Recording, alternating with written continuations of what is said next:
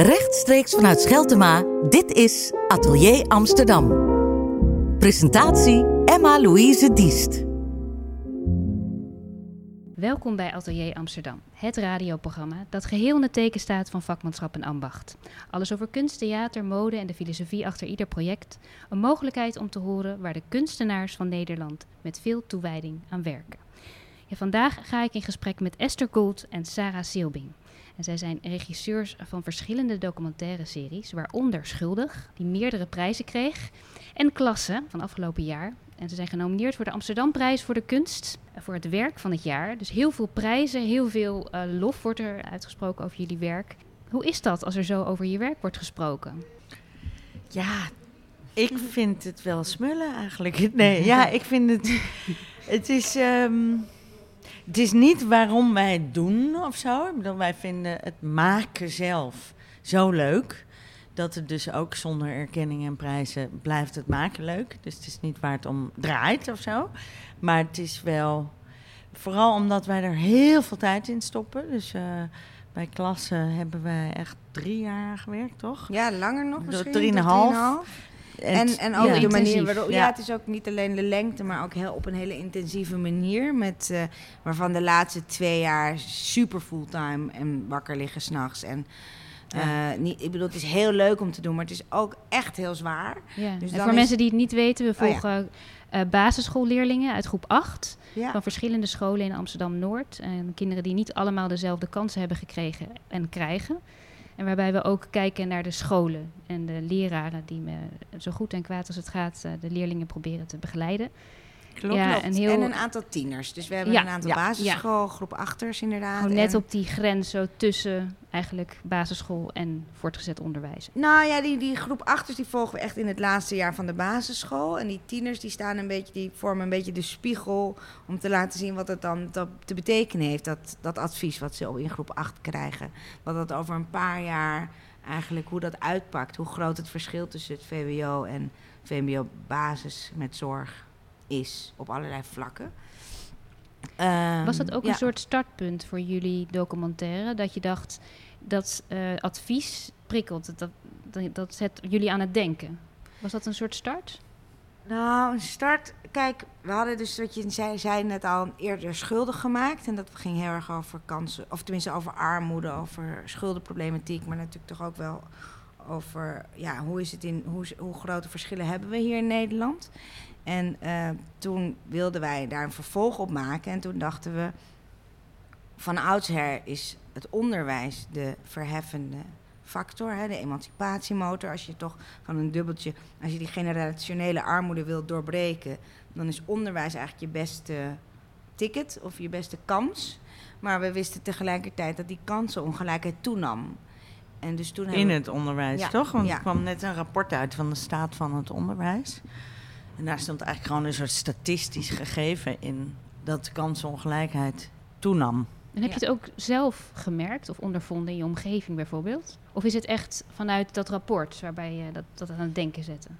Nou, vanuit ons werk natuurlijk heel erg. Dus niet zozeer onze persoonlijke omgeving, maar we hebben in totaal een, heleboel uh, films en series in de Vogelbuurt gemaakt in Amsterdam-Noord. Dus daar hebben wij natuurlijk jarenlang gezien hoe die ongelijkheid groeide. Ja, ja. En hoe zijn jullie toen uiteindelijk gestart? Want dan heb je zo'n idee van ik wil eigenlijk, ik wil in dat systeem en ik wil laten zien wat er fout gaat en wat er ook goed gaat misschien. Maar ja, dan moet je ook beginnen eraan. Wat zijn dan de eerste stappen die jullie samen gezet hebben?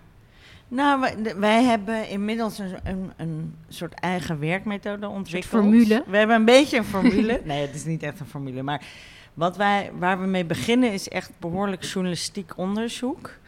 Omdat wij wel vinden van, oké, wij zijn documentairemakers, maar als wij zo'n groot onderwerp als kansongelijkheid in het onderwijs, aanpakken of de schuldenproblematiek, dan vinden wij wel dat we een soort gedegen mening moeten hebben.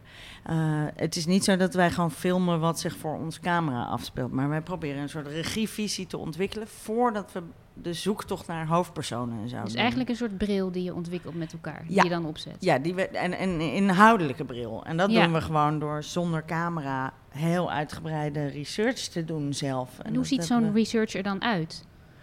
Dat is praten met allerlei mensen. Dus wij boeken lezen. boeken lezen, Ja. maar ook wel praten. Dus eigenlijk, wij, wij hebben op een gegeven moment een soort methode eh, ontwikkeld waarbij we, ja, je kan het een soort slagroomtaart noemen of een laagje of zo, maar we proberen op die manier eigenlijk naar de samenleving te kijken. Ehm, er zijn allerlei mensen die allerlei rollen spelen, of, nee, ik bedoel, eh, of allerlei perspectieven hebben. Eh, dus een, in het geval van klassen, dan spraken wij met een gepensioneerde juffrouw die 40 jaar voor de klas had gestaan, maar ook met de voormalig minister van Onderwijs en ook met inspectie en ook met. We proberen eigenlijk al die invalshoeken proberen we eigenlijk te snappen. Zodat we ook kunnen begrijpen waar het misgaat. Want als je één perspectief spreekt, dan kan je dat niet van een afstandje goed bezien. Dus we willen ook al die verschillende pers- perspectieven hebben we ook nodig om zelf een analyse te kunnen maken van waarom neemt die kansenongelijkheid toe. En duurde dat even voor jullie om dat te achterhalen? Daar zijn we echt wel een jaar mee bezig geweest, ja. En was er Ja. een moment dat je dacht, ja, nou snap ik hoe het werkt? Nee. Nee. Ik bedoel, natuurlijk zijn er steeds eye-openers of zo gedurende dat jaar, maar ook gedurende de jaren daarna wanneer je aan het filmen bent. Maar het, het zou ook saai zijn als je het op een dag snapte. Of hè, tot op de dag van vandaag zijn er dingen die ook gewoon. Ik bedoel, je kan alleen maar 3,5 jaar met zo'n onderwerp bezig zijn als het je ook blijft boeien. En als je het niet in één keer of ook niet in twee keer snapt of zo. Dus het snappen is niet helemaal het juiste woord, maar we zagen wel steeds duidelijker bepaalde mechanismen aan allerlei kanten. Dus aan de eh, kansrijke kant, aan de kansarme kant binnen het onderwijssysteem, een mentaliteitsprobleem, nou allerlei verschillende factoren die er in optelsom voor zorgen dat die kansenongelijkheid toeneemt. En kan je zo'n eye-opener van het begin vertellen? Want ik denk dat dat een, een andere is dan bijvoorbeeld als je al verder in dat proces zit. Ja, zeker, zeker. Eigenlijk denk ik dat we allebei vrij snel verrast waren door hoe eh, toch wel subjectief die beoordeling is van welk niveau jij aan kan. Dus wij dachten allebei toch wel meer dat de CITO-toets en de mening van de docent bij elkaar opgeteld toch vrij wetenschappelijk een oordeel kon vellen over het niveau van het kind. En dat dat best wel gecorreleerd was met een IQ. Maar eigenlijk ontdekten wij al vrij snel dat ten eerste het niveau dat een kind aan kan veel meer samenhangt met waar hij is op een leerlijn. Dus hij, is, is, hij heeft gewoon nog een achterstand. Dus hij kan, als hij wat langer naar school gaat, op een heel ander niveau terechtkomen. Dus het heeft veel Dus meer die leerlijn die was heel anders dan je aanvankelijk dacht. Belangrijker eigenlijk, Ja, toch? Ja die leerlijn. Ja. En, en anderzijds dat, je dus, dat het, ons rigide systeem ervoor zorgt dat je slechtste vak eigenlijk eh, leidend is voor waar je terechtkomt. Maar dat een VWO-kind, de slechtste VWO-leerling, rekent even goed of even slecht als de beste uit VMBO-kader. En als je je dat realiseert, terwijl die kinderen hebben een hele andere toekomst voor zich, maar die liggen eigenlijk veel dichter bij elkaar dan wij doen suggereren.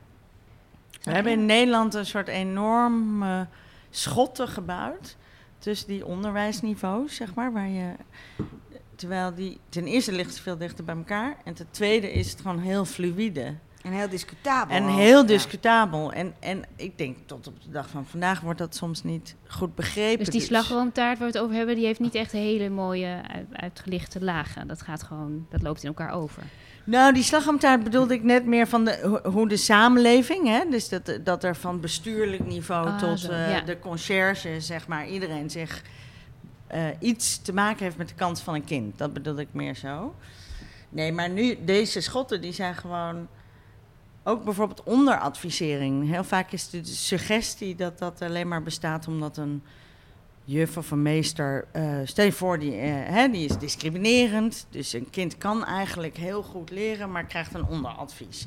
Maar hoe het in werkelijkheid veel meer eruit ziet, is dat er vaak ook wel echt een taalachterstand is, bijvoorbeeld, of een begrijpend lezen achterstand. Alleen, ja, één jaar later zit er misschien een gymnasiast in dat kind, zeg maar. Dus Het is gewoon een achterstand.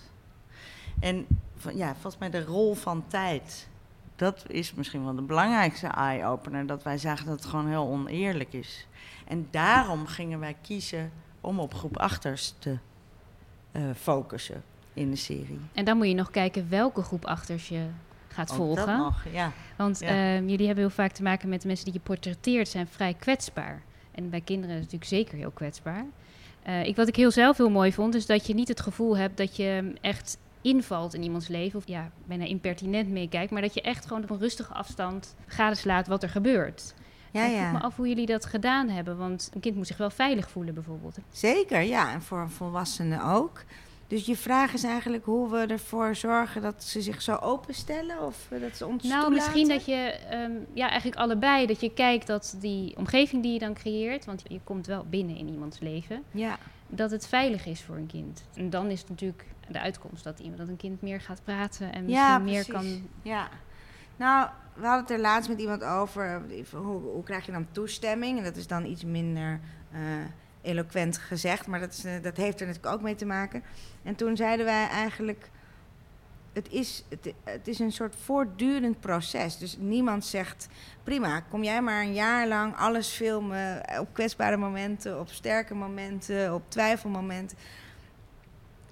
Dus, dus, dus voortdurend zijn we gedurende dat jaar en langer en daarvoor en daarna die band aan het opbouwen. Dus we zijn ook heel vaak bij onze hoofdpersonen wanneer, ze niet, wanneer we niet filmen.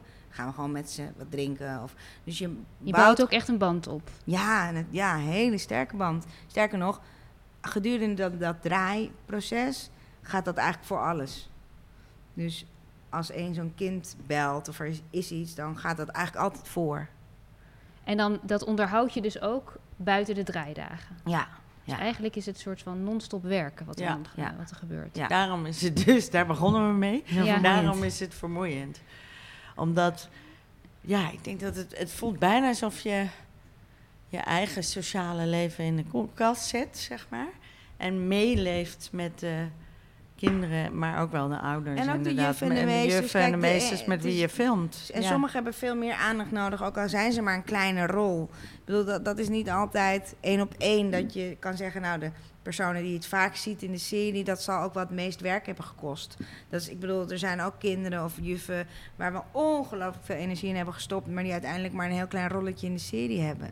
Dus eigenlijk met al die verschillende personages probeer je, word je, ben je, gedurende een jaar, en eigenlijk nog wel wat langer, de beste vriend of zo. Die zei, we doen heel erg vooronderzoek, maar als ik het zo hoor, is dat onderzoek, dat loopt uiteindelijk over in het uiteindelijk maken. Dat gaat gewoon, Ja, dat loopt door. Dat loopt door. Nou, het zijn eigenlijk Ja. toch wel twee soort. Het is een ander soort onderzoek. Dus je doet eerst dat echte inhoudelijke onderzoek. Dan hebben wij, begrijpen wij waar de bottlenecks zitten, waar de interessante en hoe besluiten jullie dan zo'n moment van, nou, we hebben nu genoeg onderzoek gedaan, we gaan beginnen? Of Nou, dan schrijf je een filmplan van, eh, weet ik veel, 50 pagina's. En dan moet je geld aanvragen. Dus dat is allemaal nog een heel langdurig proces. Dus na een tijdje denk je, oké, we hebben genoeg ideeën om een filmplan te schrijven. Om te bedenken van, we willen een aantal verschillende scholen. We willen een aantal middelbare scholen. We willen strijders volgen. Nou ja, we hebben dan een heel idee. En dan gaan we maanden schrijven. En dan hoop je dat je het geld krijgt. En dan pas En kan je dan gaan pas maken. ga je maken. Ja. En dat inventariseren van wie ga ik, of je gaat met iedereen in gesprek. Je zegt ook, met sommige mensen heb je een hele band opgebouwd, heb je heel vaak gesproken, maar die krijgt niet zo'n grote rol in de, in de serie. ja. Dus je moet echt kijken wat past in de verhaallijn van die serie. Hoe ga je dat met elkaar besluiten? Of eh, hoe, hoe doe je dat? ja. Dat montageproces. Daar kan je ook een boek over schrijven. We ja. hebben denk ik tien maanden met... Oh, dus je filmt heel veel ook eerst. En dan ja, we je filmen heel veel. We, hadden 180 draaidagen. Dat is ontzettend veel. Even om je dat is beeld niet te geven. normaal. En Dus ik niet vind- geen gewone... Daar ben je echt van bewust. We doen iets wat niet normaal is. Nou, dat we is bewust, voor dat is ook jullie een hele dure dus. begroting Ja, bijvoorbeeld. ja. Dan moet je ook enorm overtuigend zijn en een heel duidelijke uitleg hebben voor je dat voor elkaar krijgt. Dus een tegenlicht zijn acht draaidagen of zo, om even het verschil aan te geven. Eh, ik bedoel, ja, dat is ook wel een ander type televisie, maar toch, dan heb je een beetje een beeld. Dus 180 draaidagen voor zeven afleveringen is echt buitengewoon veel. Ik denk dat er geen vergelijkbare producties zijn in Nederland. Dus je moet Dus- ook mensen om je heen verzamelen die dat begrijpen. Ja, Het is ook echt wel eh, vermoeiend, denk ik. Vermoeiend werk. Heel vermoeiend. Ja, Ik ben ja. nog steeds kapot ervan. Ehm, Ja, we hebben wel eens uitgerekend hoeveel materiaal haalt de eindmontage. Dat is 2% minder dan volgens mij.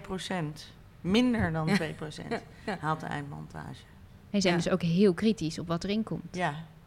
En wat erin komt is een soort Ja, het is bijna een soort survival of the fittest. Nee, dit klinkt een beetje... Dat, maar ja, wel, toch? Het En is een soort ingekookt. Heel Darwin, lang ja, het is ingekookt. een soort Darwinistisch proces van... en, hè, mogen de beste scènes overwinnen of zo. Ja. Maar het is een beetje flauw, want het gaat vaak niet over of... Of het gaat er niet om of een eh, hoofdpersoon goed of slecht is of zo. Maar op een gegeven moment krijgen afleveringen ook een beetje hun eigen logica. Dus dan kan je wel heel graag willen dat er iets in moet. Maar dan, ja, dat wordt steeds sluitender wat het moet worden. Ja, het is zo moeilijk. Is moeilijk mont- uit te montage is echt een magisch proces. Wij, Moeilijk verdelen al tijdens het filmen onze hoofdpersonen. We hadden nu ook nog een derde regisseur, Daan Bol, die ook een aantal kinderen volgde. Dus we hadden eigenlijk drie teampjes, zou je kunnen zeggen. En vervolgens in de montage beginnen we, begonnen wij ook met onze eigen hoofdpersonen te monteren. Maar dat worden ook een beetje je kinderen natuurlijk. Je hebt daar een jaar lang super intensief. Ik zag ze ook vaker dan mijn kinderen. Dus dan, dan wordt dat ook onderling een beetje een strijd. Van ja, maar eh, niet, niet omdat je nou zo kinderachtig bent, maar dat is gewoon, je, hebt, je, hebt, je weet nog zo goed dat je die scène draaide. Je hebt er zoveel moeite voor gedaan. En het was prachtig. En het is ook prachtig. En dan moet je elke keer weer met een afstand kijken van wat is het beste voor de aflevering. En dan hadden wij vaak, hè, dan maak je eerst briefjes van wat moet er in aflevering 2 allemaal komen. Dan hangen we dat, dat, dat is al dagen werken. En dan hebben we dat uiteindelijk helemaal bedacht op papier. Dan maakten we die aflevering, dan duurde die vier uur. Dat was een beetje gemiddeld. Nou, oké, dat dik je dan in en dan wordt het twee uur. En dan waren we eigenlijk meestal wel tevreden. Maar dan moest die nog 50 minuten worden. Dus, en dat, Dat en lijkt me dan nog het moeilijkste, die laatste vreselijk. paar minuten. Nou, die laatste, van, van twee uur terug naar 50 minuten? Dus dat is niet een paar minuten, Nee, is meer dan de helft. Dat is meer dan de helft, ja zeker. Ja.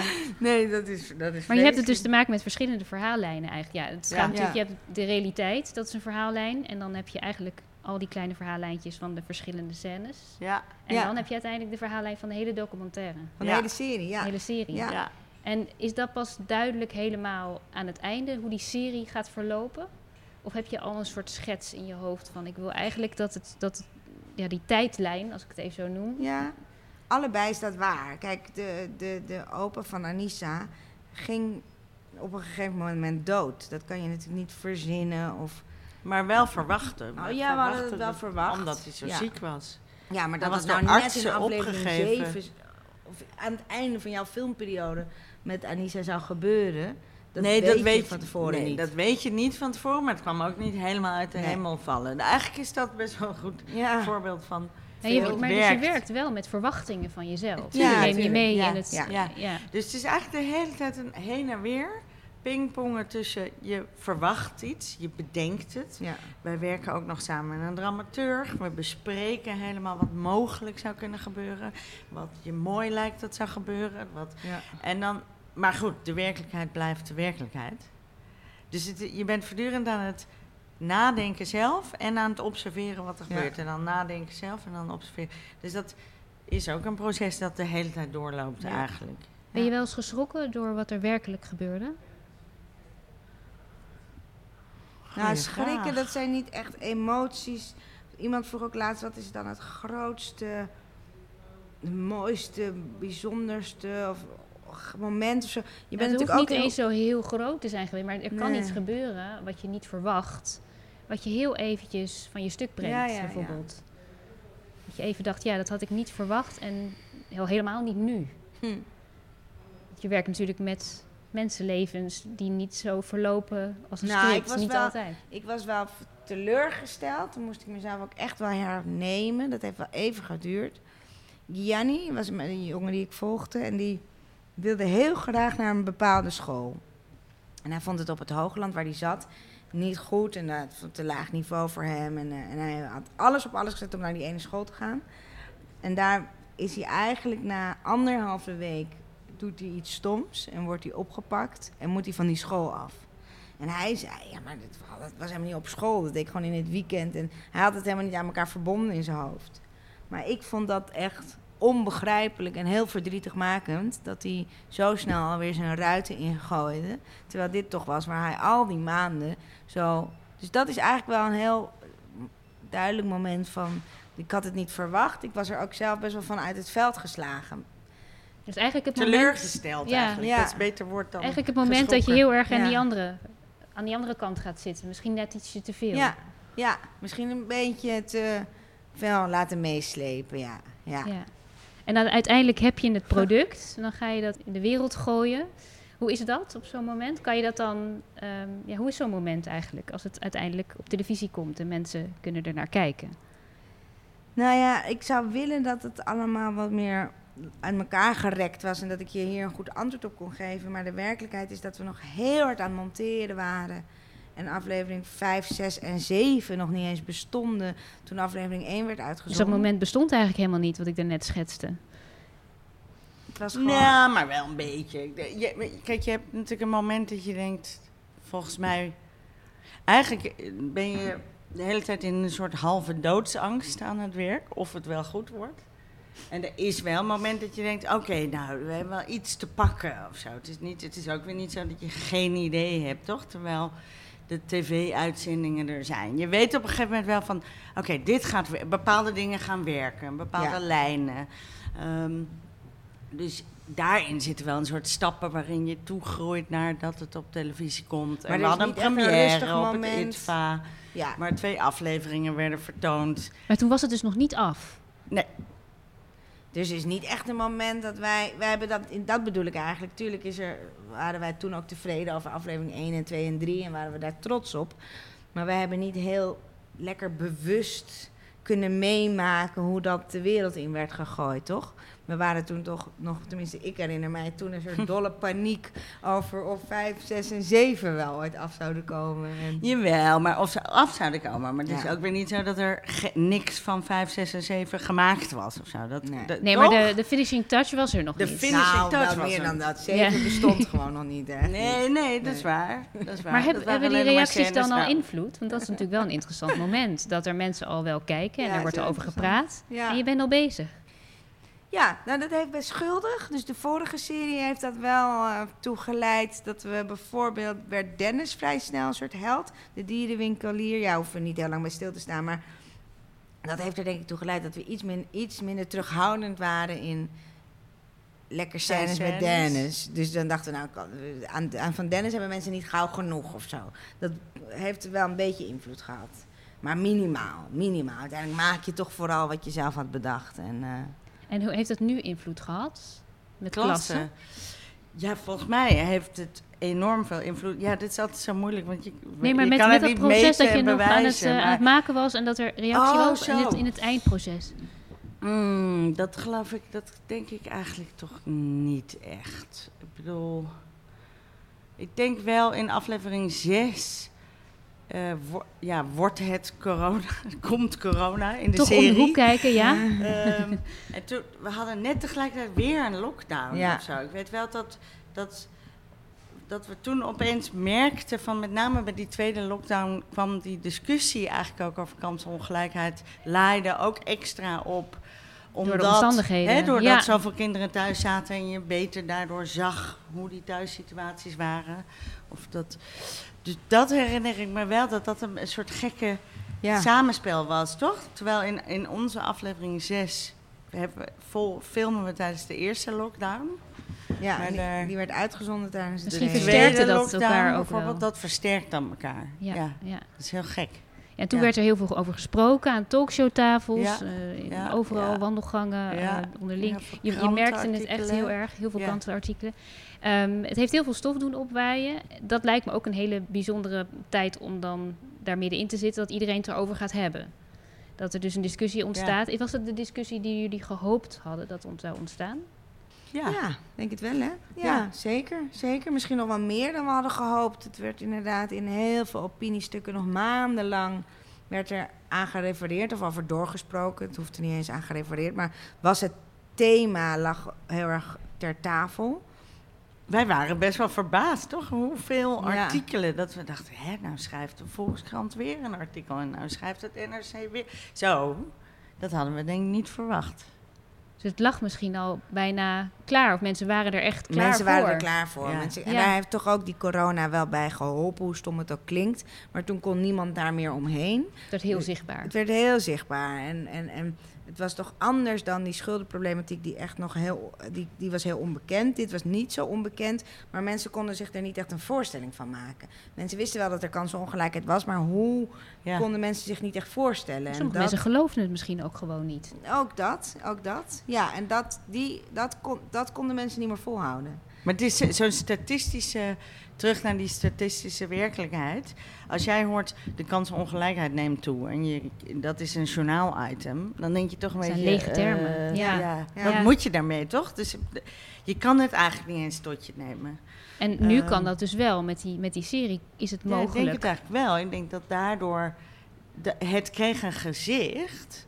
Maar Ik bedoel, wij waren wel eens verbaasd dat er hoeveel mensen, niet iedereen hoor, maar we hebben ook vaak reacties gekregen van mensen die gechoqueerd waren door de verschillende onderwijswerkelijkheden die wij laten zien, zeg maar. De verschillen in kansen.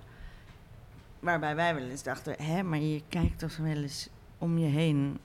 ik bedoel, we- ja, Maar het is natuurlijk jullie bril die jullie op hebben gezet, waar we het in het begin even over hadden. Of de manier waarop jullie ernaar kijken of een gezicht aan geven. Die is heel specifiek. En heel, er, heel herkenbaar ook. Ja, maar Ja, ik denk dat ik het ook iets is wat mensen niet willen weten. Ik denk dat er heel veel nee, maar als je naar klassen kijkt, is het gewoon. eh, je kunt het misschien niet willen, maar je ziet het. Ja, Dus, en, maar je wist het eigenlijk al, toch? ja, tuurlijk, je wist, je wist je, wist dat- het, maar dat- als, het is niet dat je voelt dat het zo urgent is. Dat je niet meer kunt wegkijken. Je, dat je het voelt eigenlijk. dat is ja, het. Ja, Ja. En is er iets, als je nu terugkijkt naar klassen, als je ding, fragmenten ziet, kan je dan herkennen wat dat is? De manier waarop jullie dat benaderen. Dat, ja, dat, die karakteristieke manier van filmen of kijken of laten zien. Kan je je eigen handschrift herkennen?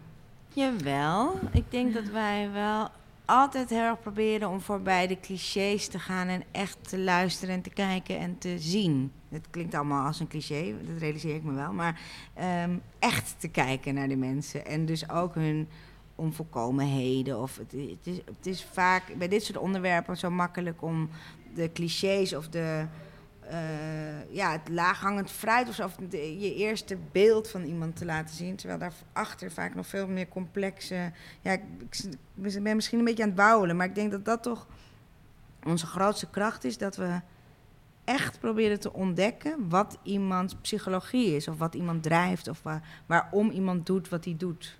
Dan moet je ook wel durven om je aannames even achterwege te Ja. laten. Want die heb je altijd natuurlijk. Zeker. Maar dat is eigenlijk een beetje aanvullend op wat Esther net zei. Dus als het gaat over dramaturgie, ben je de hele tijd aan het laveren tussen wat je verwacht en wat de werkelijkheid zich aandient. En datzelfde geldt eigenlijk voor, voor dit, dit, deze kant ervan. Je bent de hele tijd. Je hebt, je hebt aannames, dat is ook belangrijk. Je hebt regievisie nodig, je hebt een idee nodig. Want als je geen idee hebt, kan je ook niet gaan filmen.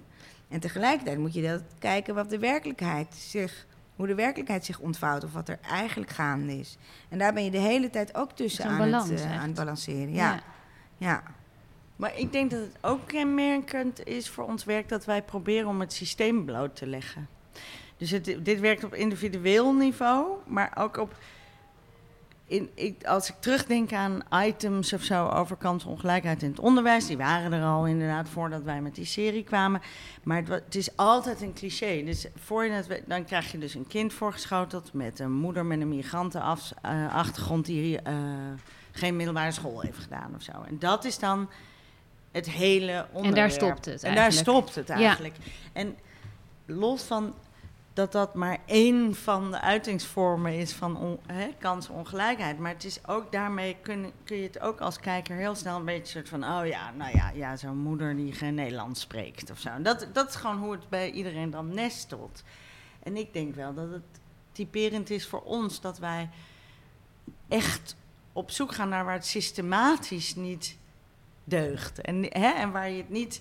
Dus waar zitten, waar zitten de systeemfouten eigenlijk? Ja, je dat- brengt ook beweging in, heel, in het geheel. Het is niet statisch. Nee, Je ziet precies. waar er, waar er nog iets, ja, ook nog iets te veranderen valt wellicht. Zeker, zeker. Ja. En dus met de samenstelling van de, van de hoofdpersonen hebben we daar ook heel erg op gelet dat we niet alleen maar de cliché, in clichés schieten.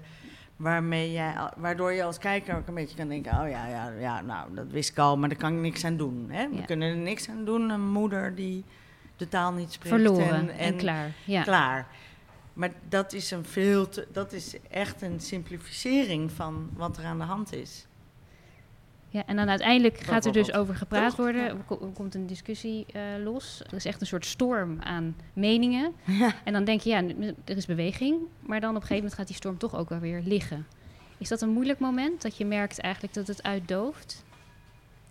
Nou, wat ik ik moeilijk had op het moment... verwachtingen van de verkiezingen eigenlijk. Maar Ja, wat, wat je Wordt nu meteen heel ziet- politiek Nou ja, Ja. wat je nu ziet is dat alle belangrijke maatschappelijke thema's in een soort zwart gat vallen dat Den Haag heet. Dat is natuurlijk al maanden nu gaande. En ehm, Ja, want eigenlijk was er wel momentum, niet Ja. per se door ons, hè, maar gewoon door de optelsom van alles wat we net bespraken. Ja. Corona. Er was wel momentum volgens mij in Nederland om te zien dat het onderwijs gewoon beter verdient, meer verdient. ja. Niet alleen maar meer geld, maar ook meer status, meer dat kinderen serieuzer genomen moeten worden. Dat het wel oneerlijk is. Dat je niet altijd kunt klimmen. Ik, eh, ja, volgens mij was, dat zeker, moment er. Zeker, en, maar het is nu gewoon... Je ziet dat alles in een soort... In een soort... Ja, in een zwart gat... Ik kan het niet eigenlijk anders beschrijven. Die politiek is... Het is een hele treurige toestand op het moment natuurlijk. En ontmoedigt jullie dat dan ook? Want ik neem aan dat jullie, als je nu weer een project gaat starten, dat het weer iets te maken heeft met een maatschappelijk eh, probleem of iets wat jullie prikt van, prikkelt van ik moet hier iets misschien aan veranderen of Nou, Niet altijd, maar da- dat is weer een ander onderwerp. Ja, ik, maar het? ontmoedigt. Ja, kijk, het enige wat je kan zeggen is gelukkig hangt het niet allemaal van Den Haag af. Dus wij krijgen wel, vorige week kregen we nog te horen van jullie hebben geen idee, de impact en op echt, ik bedoel, ik was dit weekend op een gezin aan het passen en toen zei dat meisje, ja, we gaan met Nederlands klassen kijken.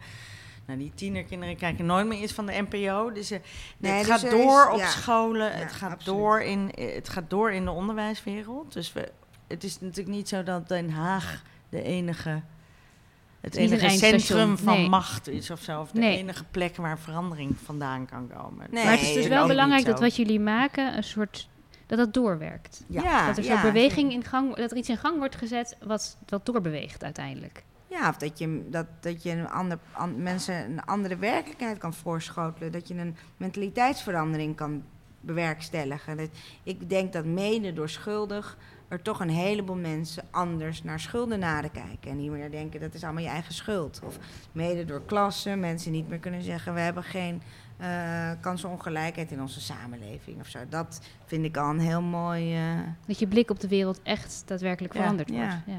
Want eigenlijk, het is wel grappig nu jij het zegt, denk ik, ja, wat, waar wij, wat we misschien hoopten te veranderen, is dat mensen heel snel bij bepaalde leerlingen denken, nou ja, er zit ook niet echt meer in. En dat is gewoon die gedachte, daar wilden wij graag korte metten mee maken. Ja. Ehm, en die, die bestaat bij mensen, maar ook op scholen soms nog. En die deugt niet, want er zit wel meer in. Ja, nou, ik denk dat heel veel mensen die deze documentaire serie hebben gezien, daar zich bewust van zijn geworden. En eh, nou, er zit meer in. Er zit waarschijnlijk ook heel veel meer in jullie nog. Dus ik ben heel benieuwd wat er nog gaat komen. In ieder geval heel erg bedankt voor dit gesprek. graag gedaan. Dank je.